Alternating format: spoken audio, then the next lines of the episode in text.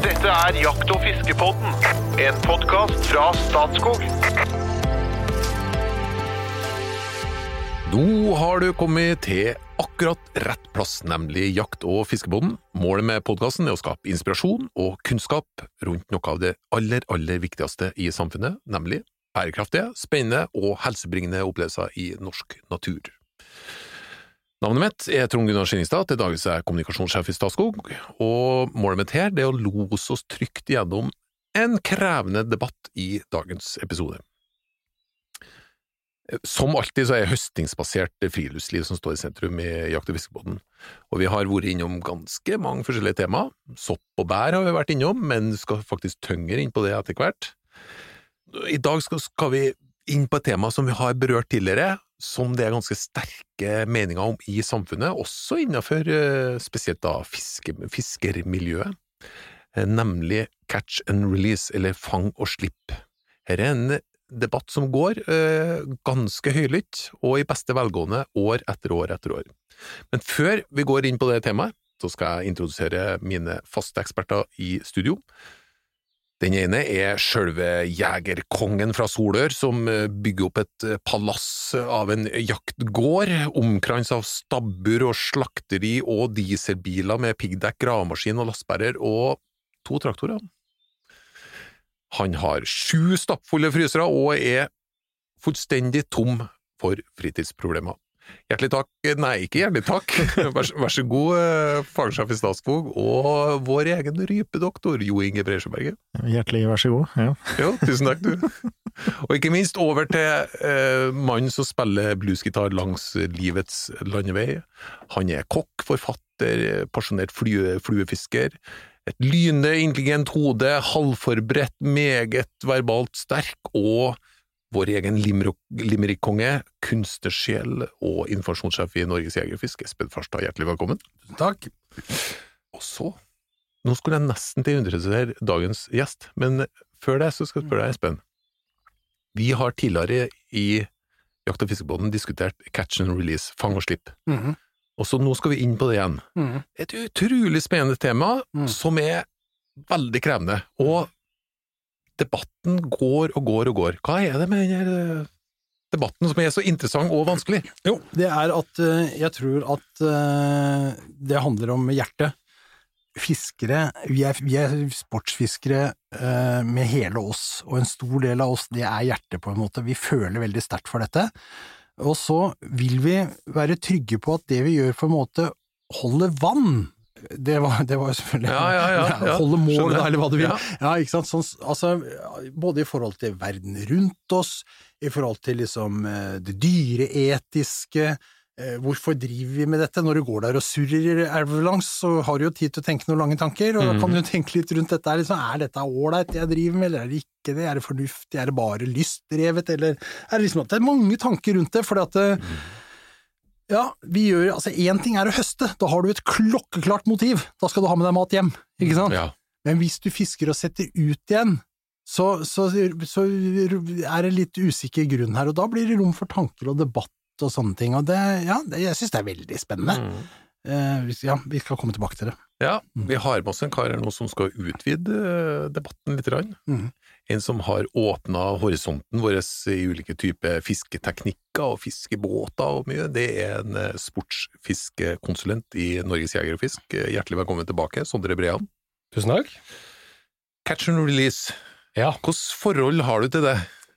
Jeg har et, et, holdt på å si, et balansert forhold til, eh, til nettopp dette med catch and release eller fang og slipp. Jeg, jeg er veldig glad i å ta matfisk, men så fisker jeg også etter noen arter og, og, og, og individer av disse artene som, som egner seg mindre til mat. Eh, Og derfor praktiserer jeg også fang og slipp i, i, i noen sammenhenger når disse fiskene biter på kroken.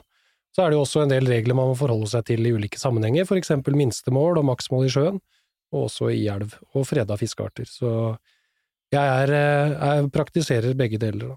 Mm. Mm. Jo Inge, catch and release det var ikke noe du vokste opp med på Innlandet i utgangspunktet, kanskje? Nei, i veldig liten grad, vil jeg påstå. Eh, kanskje slapp dere ut småfisken igjen? Eller så slo den i hjel. Ja, stort sett slo vi den i hjel. Ja. Vi fisker for få fisk, da. Eh, Hvilket forhold har du til catch and release nå? Eh, Jeg, der, eh, jeg har et litt annet forhold til det, det har jeg.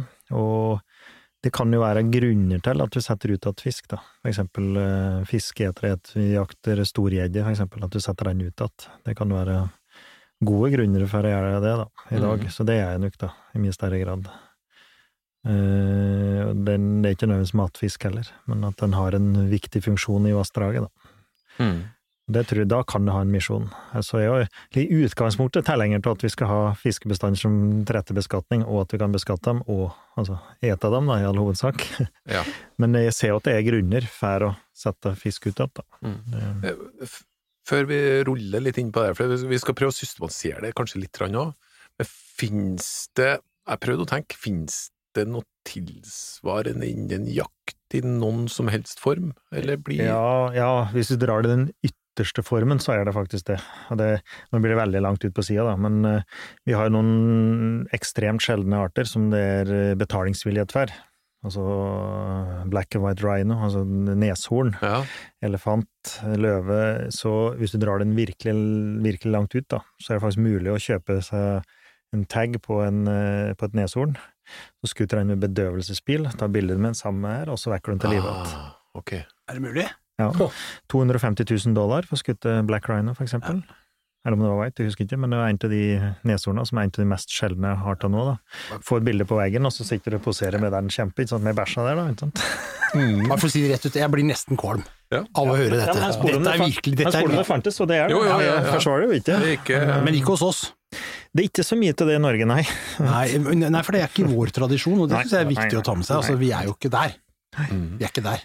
Også på den andre sida, for, det- for det er helt enig med Espen, det er jo helt forkastelig. Men så er det til en viss grad da, så, så genererer troféjakta eh, kan generere ganske mye penger. Altså, det finnes jo jegere som er villige til å betale for å bevare de her arten, da. Så setter du litt på spissen, så kan det være en måte å bevare dem på, da. Ja, men altså, det gjør prostitusjon, og det er ikke noe argument for oss. Nei. Nei. Men eh, Espen, mm -hmm. eh, vi skal litt, litt inn på hva det kan være godt for eh, med catch and release. For Mhm. det, det er en del gode grunner. Men så er det noe som skaper ekstra debatt. Hvorf- Hvorfor skaper det sånn debatt? Hva er, hva, er det, hva, er, hva er kjernen i diskusjonen på det? Eh, jeg, Altså, det, det, det er etikken i dette her sånn. Eller Altså, la oss snu det på hodet. Mhm. La oss snu det på hodet. Hva, eh, hva, hva er det godt for? Hva er det som er bra? For du er en tilhenger av catch and release som fenomen. Du, du, du syns at det er mye hensiktsmessighet i catch and release. Ja, med måte. Ja, hva Med måte. Hva kan være bra med det? Nei, det kan være bra for, for å opprettholde fiske. La oss, la oss, altså, hvis du fisker i en lakseelv i Trøndelag, så er sjøørreten freda. Det betyr at man driver, bedriver cash and release-fiske hvis du får en sjøørret. Altså det er et retta fiske, som vi sier. Altså du har lov til å fiske laks, Ja. men du har ikke lov til å fiske sjøørret. Hvis du får en sjøørret, så settes den pent tilbake igjen. Man praktiserer da cash and release. I motsatt fall, hvis man ikke hadde hatt en cash and release-regel der på sjøørret, så måtte vi stengt hele elva. Mm. Så sånn sett så har det en, en funksjon i å opprettholde et bærekraftig fiske på den laksebestanden som er der, uten at det går på bekostning av den bestanden som ikke tåler sjøørret i dette tilfellet. Da. Men det kan også være en laksebestand som kanskje trenger litt særlig omsorg, for å si det sånn. At du kan fiske noen hannlaks, men kanskje du lar hunnfisken gå. Så det rettete fisket kan også gå på, på eh, størrelsesgrupper eller kjønn eller sånne ting, ikke sant? Ja. Det kan være greit, syns jeg, til et visst punkt, men hvis vi opprettholder altså La oss si at altså, i en, i en lakseelv så vil jo laksefiske være viktig for mange, både fiskerne, men ikke minst for grunneieren, som skal tjene penger på dette. Hvis det er slik at laksebestanden er så dårlig stelt eller er så svak i en elv at den egentlig ikke tåler et fiske, men vi allikevel bedriver et fiske der, men da et catch and release-fiske hvor vi setter ut fisken igjen, Mm. Da leker vi med en bestand, vi leker med livet, vi leker med en bestand, for at det er alltid en dødelighet rundt catch and release-fiske.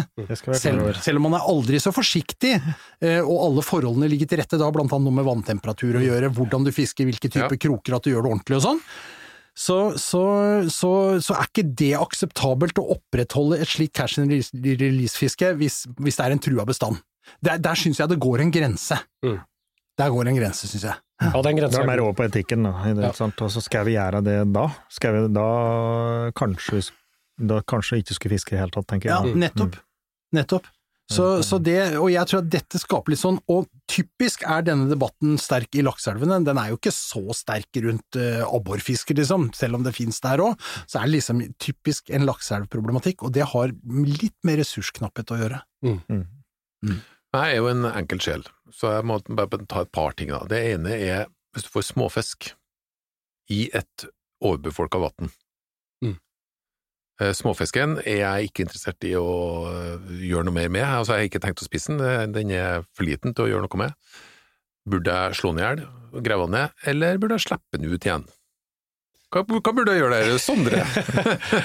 Nei, godt, eh, godt spørsmål. Altså jeg, altså jeg tenker jo at, at man i så stor grad som mulig bør nyttiggjøre seg av den fangsten man får. Eh, Så får du en fisk som kanskje er for liten, så kan det godt hende at du bikkja til naboen eller noe sånt kunne tenkt seg en fisk, eller, eller katta til, eh, til naboen på andre sida av veien kunne tenkt seg en fisk. Altså jeg, jeg er litt sånn motstander av det å bare hive ting i skauen, da. Mm. Det handler litt om respekt å gjøre, Ja. ikke sant? Eh, og samme hvis vi drar det mot eh, stor gjedde, eh, som igjen kanskje er uegna av miljøgifter, og ta den opp på knerten og hive den i skauen, så det syns jeg ingenting om. Da er det bedre heller å sette den pent ut igjen. Ja. Men vi har en misjon da, i Edvatn Ja, mye fisk, ikke sant, med mye fisk, jeg skal akkurat til det, hvor du har mye småfisk, så så ta den gjerne opp som, som en del av forvaltning for å prøve å reversere dette overbefolkningsproblemet, men, men prøve å nyttiggjøre da fisken i størst mulig grad. Da. Spørsmålet er, står du der med et individ, eller står du der med en art? Det, det er litt sånn, ikke sant, for at vi- hvis det er akkurat den ene fisken, vil du jo synes det var fint å bli slippet tilbake, sannsynligvis, ikke sant? Ja, ja, ja, ja. Eller driver du egentlig og prøver å få til, være en del av en litt forvaltning av vannet? Ja. I veldig mange vann så er det jo, for, er det jo overfolka, det er for mange Ja. fisk. Mm. Ja. Så sånn sett kunne det være greit å knerte disse fiskene du får, for å prøve å liksom bidra til en, eh, en bedre, en sunnere fiskebestand i vannet. For det er jo en konkret ut at eh, fiskeetere og heller ta opp de det er for mange av, vil jeg tenke. da. Absolutt. I- i det- i I disse, det disse tilfellet. vannene så er det jo, hvis du får en stor fisk, da, gammel, stor eh, Ja. kriger av en ørret som eh, er med på å holde fiskebestanden nede, så, så sett gjerne den ut igjen, for det er, det er viktige individer i sånne bestander. Eh, ja, og det er jo et poeng. Men det med småfisk, det mener jeg jo, det er jo den, den store, det store folkespørsmålet. For det er jo hovedsakelig småfisk vi vanlige folk får, vet du, når vi er ute og fisker. Ja. Smuler er også brød. Du, du har så mange kloke ord, du, Jo Inge! Men så til et, det jeg føler er et kjernespørsmål. Er det ok å fortsette å fiske når du har fått den fisken du trenger, fordi du har syns det er så artig å fiske? Svaret er ja. Ja. Fordi at, fordi at Jo, men altså det Ja, men, men her er, da er vi kanskje i en diskusjon der folk kan tillate seg å ha ulike meninger. Ja, Men ja, Ja, nei, Fortsett. men eh, ja, ja, vi har jo en gjest som kanskje burde svare på dette, men siden du spør meg, så skal jeg ikke la meg be to ganger. Ja, nei, nei altså, det, det, altså det handler om at jeg, jeg har en eh, lidenskap og en hobby. Jeg, jeg vil bedrive sportsfiske. Eh, Jeg gjør det skånsomt og forsiktig og prøver å ha et godt motiv, Eh, men det er også en motiv i gleden og spenningen og mestringen og sånn, og jeg eh, drar på fisketur på Finnmarksvidda og får eh, to flotte ørreter tidlig på dagen, så slutter jeg jo ikke å fiske den dagen. Jeg er jo der for å fiske. Eh, Og det er noe av drivkraften bak mitt naturengasjement, ligger jo i dette sportsfisket og for så vidt også jaktgreiene, ikke sant. mhm. Sånn at jeg, jeg mener at det må være greit at jeg fortsetter å fiske, at jeg på en måte nyter naturen og opprettholder mitt engasjement på en måte, eh, på en fornuftig måte, selv om jeg ikke kverker all fisken. Det hadde ikke blitt noe bedre om jeg slo i hjel all fisken. Nei, Nei, nei. Men alternativet er nok kanskje, kanskje vil mange si at du stopper å feste. Ja, det, det Ikke at du slår ned og de, som, de som sier det, kjenner ikke meg, for å si det sånn. Nei, men hvis jeg forstår deg rett, Espen, du det er at du tenker at det er en indirekte måte på å opprettholde eh, en høstingstradisjon. Ja, og et engasjement for den naturen Ja. man er i. Altså, du kan jo ta den enda litt lenger enn akkurat det eksempelet, og det er jo for eksempel å si hva med disse gutta som driver med, eller de kan være jenter for den saks skyld, men det er stort sett gutter som driver med moderne meitefiske i Indre Østfold. Som fisker laue og mort og vedebuk og stam, liksom, som er fisker som du ikke egentlig har noe stor matverdi Mm. i realiteten. Men de fisker, har stor glede av det, behandle fisken med respekt, sett, har den i et keepnet og setter den ut igjen, ikke sant? eller setter den ut direkte, eller hvordan, liksom, men, men med varsomhet, da, men har glede av fisket sitt, og har jo et engasjement for vannforvaltninga i Indre Østfold. ikke sant? Det er jo disse som har engasjement for vannforvaltning i Indre Østfold, det er jo ingen andre som bryr seg om den bekken. ikke sant? Det er sports, altså som, som jegeren er rådyrets beste venn, så er også sportsfiskeren fiskens beste venn. Og, og vårt engasjement, det, det har gitt seg utslaget i mye bra praktisk naturvernarbeid, men da må vi jo kunne utøve det som er interessen vår knyttet til dette. Veldig, veldig bra, Espen. Det er, det er et veldig godt poeng. At fiske og, bedrive, og det bedrive sportsfiske det opprettholder interessen, og som igjen ligger til, til grunn eh, god naturforvaltning utøvd av disse sportsfiskerne. Jeg vet om en organisasjon som har det som slagord. Ja, Ja, jakt- og fiskeglede til alle for alltid. ikke sant? Ja. Ikke sant? Og, der ligger både det gledeprinsippet, men også eh, for alltid, ikke sant, bærekraftig Nettopp. høsting. Skal vi huske Men, på at jo, eh, det er veldig mange, de fleste vann pretrefisker ganske greit, da. At det er veldig Tåle. ja, mm. På greit norsk, tåler. Ja. Ja. Så er det jo langt de fleste vann og elver og vassdrag mm, tåler ganske mye fiske, da. Så at eh, det er jo ikke slik at det fang og slipp er nødvendigvis må være regelen, da. Ikke sant? Reiser rundt her, eh, det er ekstremt mange vann som kunne fiske ganske mye mer, faktisk. Absolutt. Ja.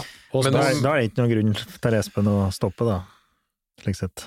Ja, bortsett fra at han eh, ikke er interessert i å ha med seg enda mer hjem. Han er Men han, har alltid, han har alltid sånne dårlige kamerater som er interessert i fisk, og Ja, det går da han det er bli sant. kvitt fisk, Det er det er jo ikke det som er problemet. Men Jo Inge, Ja. eh, du, du må være en sånn eh, Du må, du må bidra i diskusjoner nå. Balansere, det er det du Ja, prøver å si. ja. Takk. ja.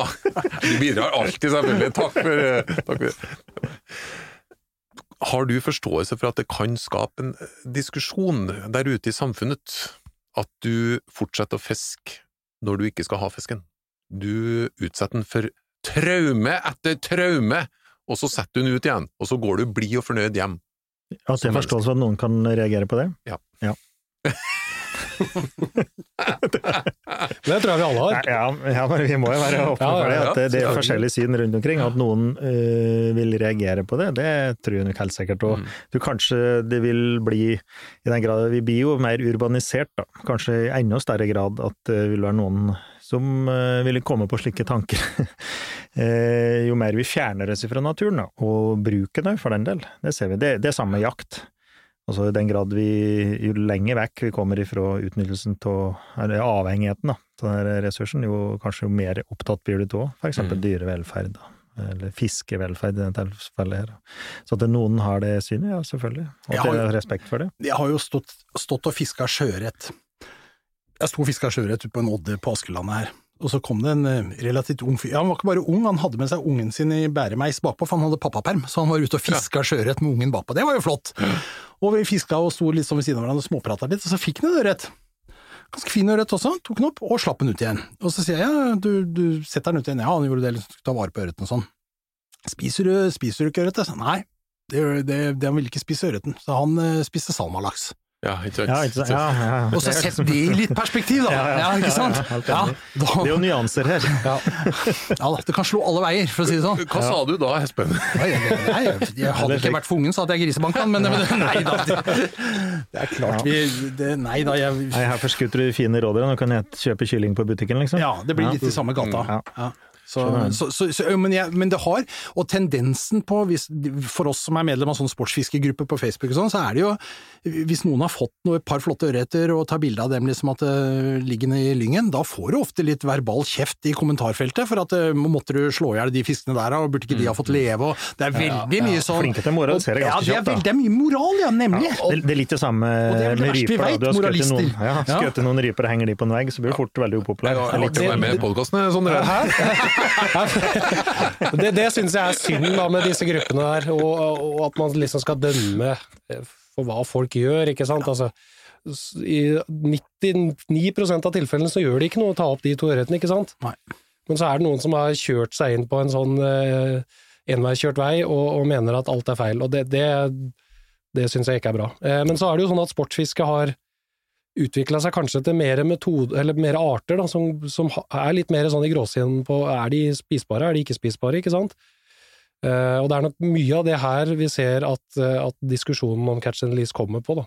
Det er interessant. Nettopp fiske etter arter som, som kanskje ikke har den uh, matverdien, eller kjente matverdien i hvert fall, som eh, tradisjonelt ørret, laks og røye og disse fiskene der. Men så langt har det jo vært laksen som har liksom vært driveren i denne debatten, og, ja, ja. og ørreten i disse tilrettelagte fiske, fluefiskesonene, altså type ja. Hemsila og sånn. ja, ikke. Der har debatten gått, og her har jo Mattilsynet vært inne òg. Mm, absolutt. Eh, Hvilken rolle har de De er jo De har jo et, i et dette spørsmålet? Ja, dyrevelferdsmessig Ja. perspektiv på dette, eh, og, og, går, og er ganske, ganske firkanta i forhold til dette. Ser, Det var helt tydelig, faktisk. De sa at målet skal være å skaffe mat, Mm. og at skulle du bedrive fang og slipp, så var det i veldig liten grad, og de nevnte en laks først og fremst. ja, og de sier faktisk da, da skal ikke det være motivet for fiske. Nei, Altså, det skal være unntak, sier. Ja, ja. De. Ja. Mm. Da, da går de rett inn og tar en rolle tett opp til vår herre.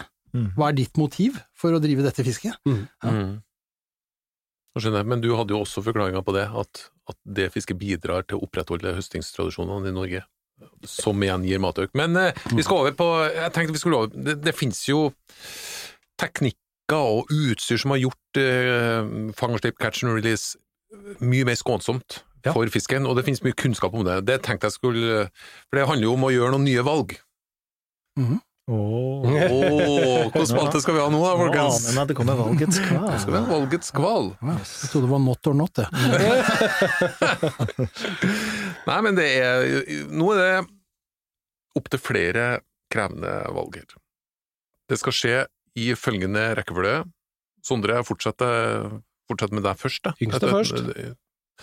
Jo Inge nummer to, Espen nummer tre. Ok, du må bo i et annet europeisk land i ett år. Hvilket velger du? Jeg velger eh, Spania. Fordi Det er mye spennende fiske i Spania. Innland. Ja, så det går på fiske. Eh, I Europa, og Sverige. Ja, fordi Eh, Veldig enkelt, veldig greit, veldig trivelige folk. eh, Enormt mye jakt- og fiskemuligheter. Hadde fint trivdes et år i Sverige. Eller tid måtte være. Espen, Nei, jeg hadde nok gjort som Jo Inge, gitt. Ikke for til England, din mors fødeland. Skal drive pigeons jeg ikke gjort. med sideligge og sixpence? Og drive course fishing. Nei, jeg tror ikke det. Ja, det ble nok Sverige, ja. Um, Men nå skal vi ta den globale retninga. Du må bo i et land utenfor Europa i et år. Hvilket land velger du da? Oi, spennende. Eh, Jeg tror jeg velger eh, Belize. Eh, Da, må vi, da trenger jeg faktisk litt nærmere forklaring. Hvor, hvor er den? Sør-Amerika, Ah, kort forklart. det trenger jeg, ja. Veldig spennende fiskemuligheter der, altså. Igjen! Det er fisken som styrer, styrer mine, Ja, mine men sånn valg er det. ekte engasjement. Eh, Jeg har en mistanke om at det ikke er fiske, men først og fremst jakta som styrer deg. Jo Inge, hvor har du dratt nå? Da hadde jeg reist til New Zealand. Du har reist tilbake til New Ja. Zealand nå, Ja, prøvde før. fordi Nei, men eh, litt det samme. Verdens triveligste, mest gjestmilde folk, eh, og enorme jaktmuligheter. Eh, stabilt system, det er liksom bare å komme dit, og alt er bare på stell. Ja. Og ja, ligner mye på Norge, du får bare alt du har i Norge, men litt mer. Jeg skulle egentlig hatt en egen episode men din jakthistorie fra New Zealand. Men, ja, det kunne jeg gjort. Espen, Nei, jeg tror jeg holder meg til Sverige fremdeles, jeg altså. Men jeg måtte utafor Europa, ja. Ja, ja, ja, ja, ja sorry. Du skal til Russland, du. Jeg skal til Ja, Russland. du- På en tidligere episode var vi innom det, ja. Ja, nei, jeg hadde, altså, det er klart, Han rapper jo hele poenget mitt, for at jeg henger meg litt på yngre. Jeg hadde jo også lyst på New Zealand, det er jo et fiskeeldorado uten like. Ikke minst. Ja, ja, det er Ja, ja, ja, ja, er noe ja, av verdens beste, faktisk. Det er. Ja. Altså, det Jaktgreiene er jo helt sekundært. Det er jo fiskemekka nummer én, ah, New Zealand. Det er det. Chile, da? Ja, jo da, Patagonia. Det er masse greier innover i Argentina, Chile ja. sett med sånne folk, vet du, så du slo meg enda en idé til en episode her nå. Er ikke han, eh, han Tørnquist som har eh, 198 land, eller Jo, noe? jo? Eh, Hvis vi hadde gått en runde på jakt og fiske rundt omkring i verden, Ja, det, kunne jeg ha gjort. utrolig spennende. Ja. Canada? Vi noterer oss den. Men vi går over til kval nummer tre. Du har fått to middagsinvitasjoner på samme dag og må velge én. Den ene er fra tidligere Miss Universe, Mona Gruth, og den andre er fra kronprinsesse Mette-Marit. Hvem drar du på middag med? Godt spørsmål. Hun der er tidligere Miss eh, Hva kaller noe? Mona Gruth. Ja, hun kjenner jeg ikke til, så da må det bli Mette-Marit. Ok. jo Inge? Nei, jeg aner ikke hva det skal være. Mona Gruth, sier jeg da. Ja. Jeg tror jeg blir med på den middagen der, altså. Mona Gult? ja, hun er jo trønder da, men Ja. eh, ja. Ja. Jeg tar Hva slags, hva slags alder er vi på her? Ja, Midt i livet. Midt i- midt i midt i livet. livet, ja. Det er sikkert Ja, jeg kjører en safe en. Jeg kjører en safe ja. Ja, du har tatt kongelige. Ja. Ja. Men ok, det kommer en ny middagsinvitasjon. Eh, Får du på middag med Rødt-politiker Mimir Kristjansson, eller med næringsminister Jan Christian Vestre? Uh, Jan Christian Wester. Ja, han er jo på sånn nesten sambygning med meg, han, og så eh, bygger verdens mest miljøvennlig møbelfabrikk. Ja, Pluss. Ja. så jeg må nesten stemme på han. Heie på en yep. hedmarking. Nei, jeg vil dra med Mimir. Jeg syns han er fantastisk flink. Er Jeg, jeg tok jo to fantastiske folk her nå, så eh, ja. Ja, og jeg syns, du sa, jeg syns også du sa ørretpolitiker, men det var Rødt-politiker. Aner, jeg Han våkna tipper han ikke er fisker, men uh, Det skal du ikke være sikker på. Altså, er Island, sikker. Island er jo et fiskeland, vet du. Ja, ja, ja, Island, ja, ja. ja, ja, fantastisk fiske, faktisk. Ja, ja, ja, jeg har vært der og fiska. Ja. Nei, men da, da Jeg syns dere greier dere veldig godt. Det skal dere ha. Men over til Det, det har skjedd noe på eh, teknikkfronten, med utstyret du bruker, som gjør at catch and release er mye mer skånsomt for fisken. Riktig. Vi var jo inne på det i en tidligere episode her, blant annet med eh, i denne episoden om, om et hav av fiskekroker, så kom vi jo inn på sirkelkroken, Ja. som, eh, som er ment til nettopp dette her, da. Og Se noe om hvordan den virka igjen. Kort fortalt, eh, det er en enkel krok, men nesten rund som en sirkel, og krokspissen peker da mer inn mot skaftet, eh, og er designa sånn at eh, når fisken svelger den, eh, så istedenfor å gi et tilslag, som du ville gjort normalt med en vanlig krok, så sveiver du den ganske rolig og, og konstant opp, og det betyr at kroken dras ut av kjeften, og så fester den seg da fint i munnvika eller i, i leppa på fisken. Isteden. Så altså, kroken er designa sånn at den, den skal på en måte finne veien til munnviken, om du kan si det sånn. Og kroken der, da. Det gjør jo at den sitter, sitter langt ut og er enklere å, å kroke av. Gjør mindre skade. Så må jeg jo ta med det aller, aller eh, viktigste. Det er vel kanskje fraværet av mottaka da, generelt, kanskje. Ja, det er eh, en fin ting man gjør, både for fisken og for seg selv. Ja. Det er ikke noe godt å ha en fiskekrok i hånda, altså. Nei, men uh, våre lyttere vet hva de skal gjøre da, for Espen han hadde et uh, triks på det. Ja, ja. Ja, ja, ja. Den, den løser vi. Det er, det er en catch and release der òg. ja. Nei, men altså, det er interessant du snakker om utstyr, og det har jo kommet veldig mye utstyr som gjør dette veldig skånsomt for fisken, og jeg tror jo at vi sportsfiskere, og jeg føler i hvert fall selv, at den fisken, den behandler jeg like pent som det jeg gjør med en dame på byen. Ja. Eller jeg, skal, jeg er i hvert fall snill når jeg får en fisk som skal settes ut igjen. Snill og kjærlig og ta vare på den fisken her, ikke sant. Mm. Har eh, gjerne det vi kaller for en avkrokningsmatte, eh, som gjerne er en, en matte laget av stoff som er eh, skånsom for fisken. Litt okay. sånn padding, sånn at det demper, så hvis fisken spreller, så skal ikke den ligge og slå på, på noe hardt nå. Eh, gjerne legge litt vann på den, sånn at den ikke skader slimet på fisken, i forhold til soppangrep og sånn.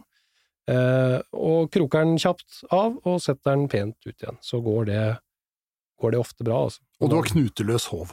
Knuteløs håv med gumminett. Og, og ikke se på meg på det blikket der, og tenkte du også på den der dama på byen. Og du, Det var viktig med knuteløs. Nei, så, så det med utstyr det, det, det funker bra, altså. Jeg kan jo dra en veldig kort historie. Vi har et gjeddevann hvor det er en fisk som har vist seg ekstremt bitevillig. Vi prøver jo liksom å unngå å fange den, da. For den er stor og gammel og, og ja, rett og slett eh, hatt sine år på bakken. har han navn? ikke ennå, faktisk. Nei okay. Vi burde absolutt er noe. men- du, du kjenner at den. ja da, eh, og det har jo alle fisk, i sånne litt sånn unike mønstre gjerne, og, og andre typer former som man kan kjenne det igjen på. Eh, Men den har vi fått opp nå seks ganger, og den blir både større og feitere. Men der tar vi jo selvfølgelig eh, forhåndsregler, og, og, og bruker dette utstyret til det det er verdt. Ja, for den kunnskapen vi har om dette er at hvis man utøver catch and release på en så forsiktig måte som du beskriver det her, ikke sant? med nødvendig liksom, våte hender og helst under vann og alt mulig sånt, og, og ikke for høy vanntemperatur, Riktig. så er, er dødeligheten minimal. Mm. Det vet vi, altså. Det Mm. finnes der selvfølgelig, det er alltid en fare, men det, det, det går bra. For oss vanlige folk så gikk du veldig fort nå. Altså. Okay. Våte hender. Så punkt én, så bruker Ja. du håv. Du drar den ikke i All- all- gjellene, kanskje? aller- det, det fineste er jo hvis, hvis krokene sitter fint i munnviken, så er det jo veldig enkelt å bare ta tanga og så vippe, vippe av kroken i vannet, og så lar hun svømme av gårde. Ikke ta den opp Ja, det. Det er aller mest konstant. Aller mest, ja. all, minst mulig lufteksponering. Og Ja. er jo for så vidt. I Ja. hvert fall altså, type du har insektmidler eller eh, solkrem eller det måtte være på neven. Og, Spenol. Spenol eller har du hatt på neven, ikke sant. Og Ja. ta lange bildeserier med den der fisken i lufta og greier. Riktig, riktig. Ja. Eksponere Ja. Minst mulig, da. Men Hvis du tar den opp, så kan du gjerne ha ei sånn matte, men du bør kanskje ikke legge den i lynga eller noe sånt. Nei, veldig riktig. Ha en matte. Det, det, den heter jo avkrokningsmatte, så det er når kroken gjerne sitter litt dypere, og du kanskje må, må åpne opp munnen litt, og så prøve å lirke denne kroken fint ut igjen, så er det fint å legge den opp på en matte istedenfor at den ligger i lyngen. Men Ja. Har du, er det vått gress, det regna kanskje litt og sånn, så er det også skånsomt, altså. Ja. Også, Artig, jeg har en limerick som handler om akkurat dette med utstyr, som passer veldig bra her nå. Ja, nei, den, den heter Når sulten tar overhånd. Eh, Den handler jo om cash and release. da. En moderne ørretfisker fra Moreppen fisket ørreten opp for så å slippe den. Han følte seg litt kulten en dag han var skikkelig sulten, for da tok han ørreten med kleppen. Og det er fy fy i denne verden! Men du, Sondre, et, jeg skal utfordre deg, hadde jeg nær sagt litt på én ting her sånn, som vi ikke har vært innom, og det er at innføring av catch and release-regler i en del fiskeelver virker diskriminerende på enkelte fiskearter, eller fisketyper, fiskemetoder. Altså, Mm. det er mange elver hvor eh, markfiske er blitt forbudt, for eksempel, Mm. fordi man med markfiske får et problem med å få satt ut fisken, fordi den sluker Ja, går for langt ned, altså. Ikke sant, Ja. ja. Sånn at da virker på en måte konserveringstiltaket, da, som vi kan si at cash and release er i et sånt vassdrag, eh, også ekskluderende på enkelte grupper, og det er noen som føler seg fordrevet fra elva. Ja. Typisk markfiskere. Ja. Mm. Veldig, veldig godt poeng, og det, det skjønner jeg veldig godt. Jeg er litt sånn på at eh, da må vi heller se på, på krokene, da, som kanskje er det viktigste utstyret vi kan endre på her. Og heller sette begrensninger på det enn begrensninger på fiskemetoden. ikke sant? Bruke sirkelkrok eksempel til markfiske. Eh, tillate eksempel slukfiske, men sette på en enkelkrok. Sånne ting, istedenfor å forby fiskemetoder. Det, det er jeg helt enig med deg i, for vi har, vi har kommet såpass langt at vi kan, kan gjøre små, små endringer på fiskemetoden som faktisk gjør det like skånsomt for fluefiske. Altså. Men det krever en kunnskapsrik fisker. Selvfølgelig, det gjør det. Og da vet jeg om en organisasjon som har laget en del filmer om dette. Ja, nettopp. Som ligger på YouTube blant annet om hvordan man håndterer fisken eh, når man skal bedrive cash and release på en korrekt måte. Så det finnes muligheter. Så kan jo folk tenke seg til hvem det er. Ja, det er, det er uh, Jeger og Beger-organisasjonen. NJFF har laget filmer om dette, i samarbeid annet med Norsk institutt for naturforskning, Norske lakseelver og andre, for det er mange som er opptatt av denne problematikken. Apropos mange! Mm.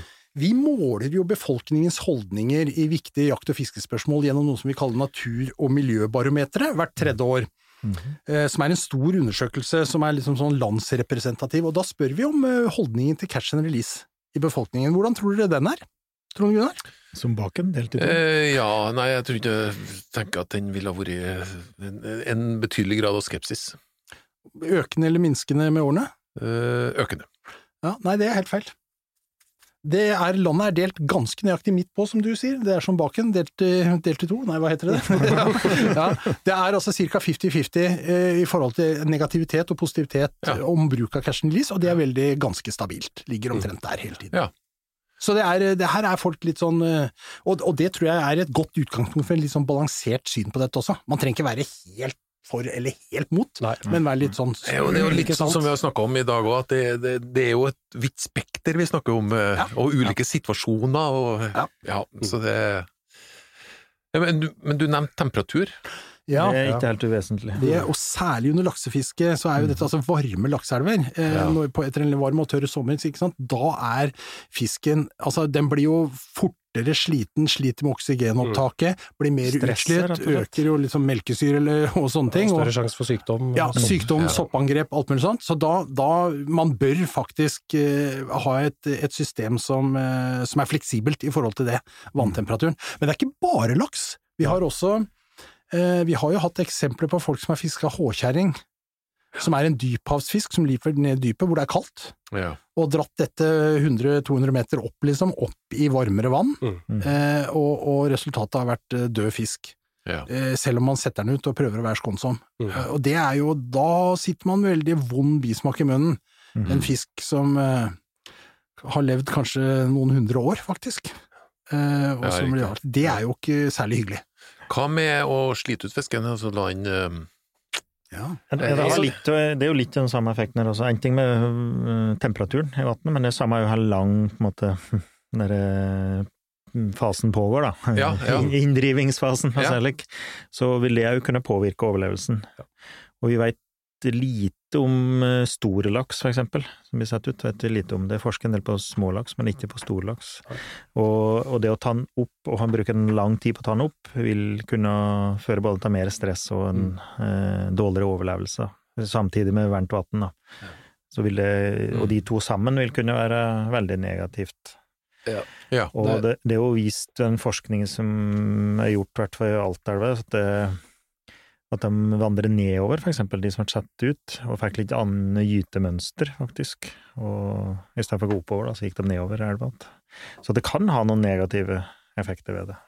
Mm. Absolutt. Det finnes jo veldig mye god forskning fra utlandet der, faktisk, på, på hvor lang tid man, man bruker på å ta det inn, og hvor stor innvirkning det er. Og det viser jo seg at det er det, det parameteret som har størst innvirkning på, på overlevelse, mm. hvis man skal tenke om med lufteksponering og temperatur og den biten der. Mm. Og det, er- det er en liten ja. sånn oppfordring, da. Fisker man i områder hvor det er eh, eksempel i lakseelv, hvor du må kunne regne med å måtte sette ut eksempel hufisk, hvis den er freda, så, så bruk riktig dimensjonert utstyr som tåler at du kan presse fisken hardt. Mhm. Eh, og det er jo litt med det etiske òg, ikke sant. Ikke fisk med kjempelett utstyr, for det er kjempegøy, og du kan Mm. ha på fisken i 30 minutter, og den, den er som en svamp når du får den inn. Men eh, bruk riktig utstyr så man kan, eh, kan sette fisken ut igjen i godt hold. Og hvis det viser seg at det er en pukkellaks du til slutt får opp, så Det er bare kakker. Den Ja. får du på pukkelen. Ja, ja, ja. Kaken i på land. Nei, men folkens, eh, veldig spennende tema. Det er jo et sånt tema som vi sannsynligvis skal inn på igjen, for at debatten går, og det har vært interessant. Det, det er hele tida interessant, for det kommer nye innspill, nye teknikker, nytt utstyr, eh, så diskusjonen går. Det er jo et sunnhetstegn at og, debatten går. ja, og rammene for diskusjonen endrer seg også hele tida. Mm. Så eh, veldig spennende. Kjære lytter, nå skal vi ned for landing. Eh, før vi fader helt ut, så skal vi ha en hot or not. Vi følger jo med lyttertallene hver eneste uke, og vi ser jo at vi har selvfølgelig millioner på millioner, men vi har en kjerne av lyttere som hører på oss hver uke. Det setter vi utrolig stor pris på. Så eh, hver uke skal vi gjennom Hvert år skal du få høre eh, nye episoder av Jakt- og Fiskebonden, så det er bare å tune inn der du liker å høre oss. Vi er på Spotify og Apple og på web, vi er på nettsidene til Statskog, på nettsidene til NJFF, og eh, Search and you shall find. Skjønte du den, Espen? Ja da, Ja. jeg er engelsk, jeg, vet du. Ja. og selvfølgelig, som en liten oppfordring før vi går på hot or not, eh, hvis du har lyst til å komme i godt humør, sett på ei festlåt fra trønderrockens verden. Det var Det, det var Da er vi klar for å gå over på hot or not. Eh, Vi starter med rekkefølge. Espen, Mm. Jo Inge, Mm. Sondre. Strupesang, hot or not? Hot. Hot. Not. Not på Sondre. Jodling, hot or not? Hot. Ja, det er hot. Ja, det er hot. Ja, triple hot. Sylvi Listhaug, hot or not? Not. Not. Not. Puddelrock, hot or not? Not. Hot. Not. Og hot på Jo Inge, not på de to andre. Ja, nest siste her nå. Eh, Formuesskatt, hot or not? Hot. Hot. Hot. Ja, triple hot. Til slutt, som, som en sånn lite opptakt, så skal jeg lese et lite tekstutdrag. Nå er jeg spent, Espen. Spiss, ørene, folkens. Nå må du våkne. Hei. Ja, sorry. Ja. Jeg er med. Ja, og, og det gir så mange assosiasjoner. Det jeg så for meg var ei svane, men det ligna mer ei gammel sjur. Jomfrua kan òg dra på årene. Jeg sa ja til gammel jomfrutur. Fra DDE-albumet Jippi-låta Gammel jomfrutur, hot or not? Hørtes litt gøy, jeg sier hot, jeg. Hot, yeah! Hot på alle Har ikke sammen! vi akkurat diskutert sk- jakt på svanen? Takk for følget, og velkommen tilbake neste fredag!